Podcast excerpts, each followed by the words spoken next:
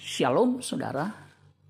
Renungan firman Tuhan hari ini berjudul tidak pernah gagal. Ayub 42 ayat 1 dan 2. Maka jawab Ayub kepada Tuhan, Aku tahu bahwa engkau sanggup melakukan segala sesuatu dan tidak ada rencanamu yang gagal. Terjemahan New English Translation Ayub 42 ayat 2 dikatakan begini. I know that you can do all things. No purpose of yours can be thwarted. Aku tahu bahwa engkau dapat melakukan segala sesuatu.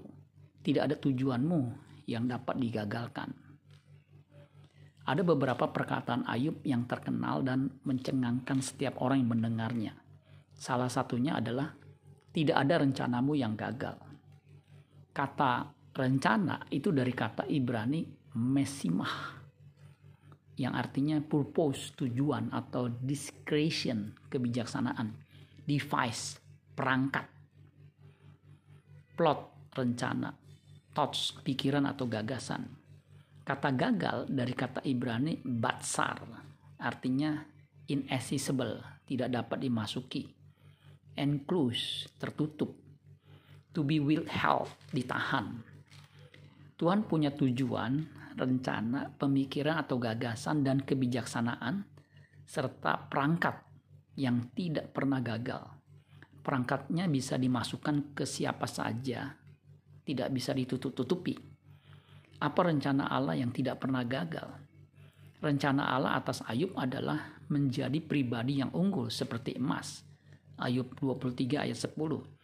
Karena ia tahu jalan hidupku, seandainya ia menguji aku, aku akan timbul seperti emas.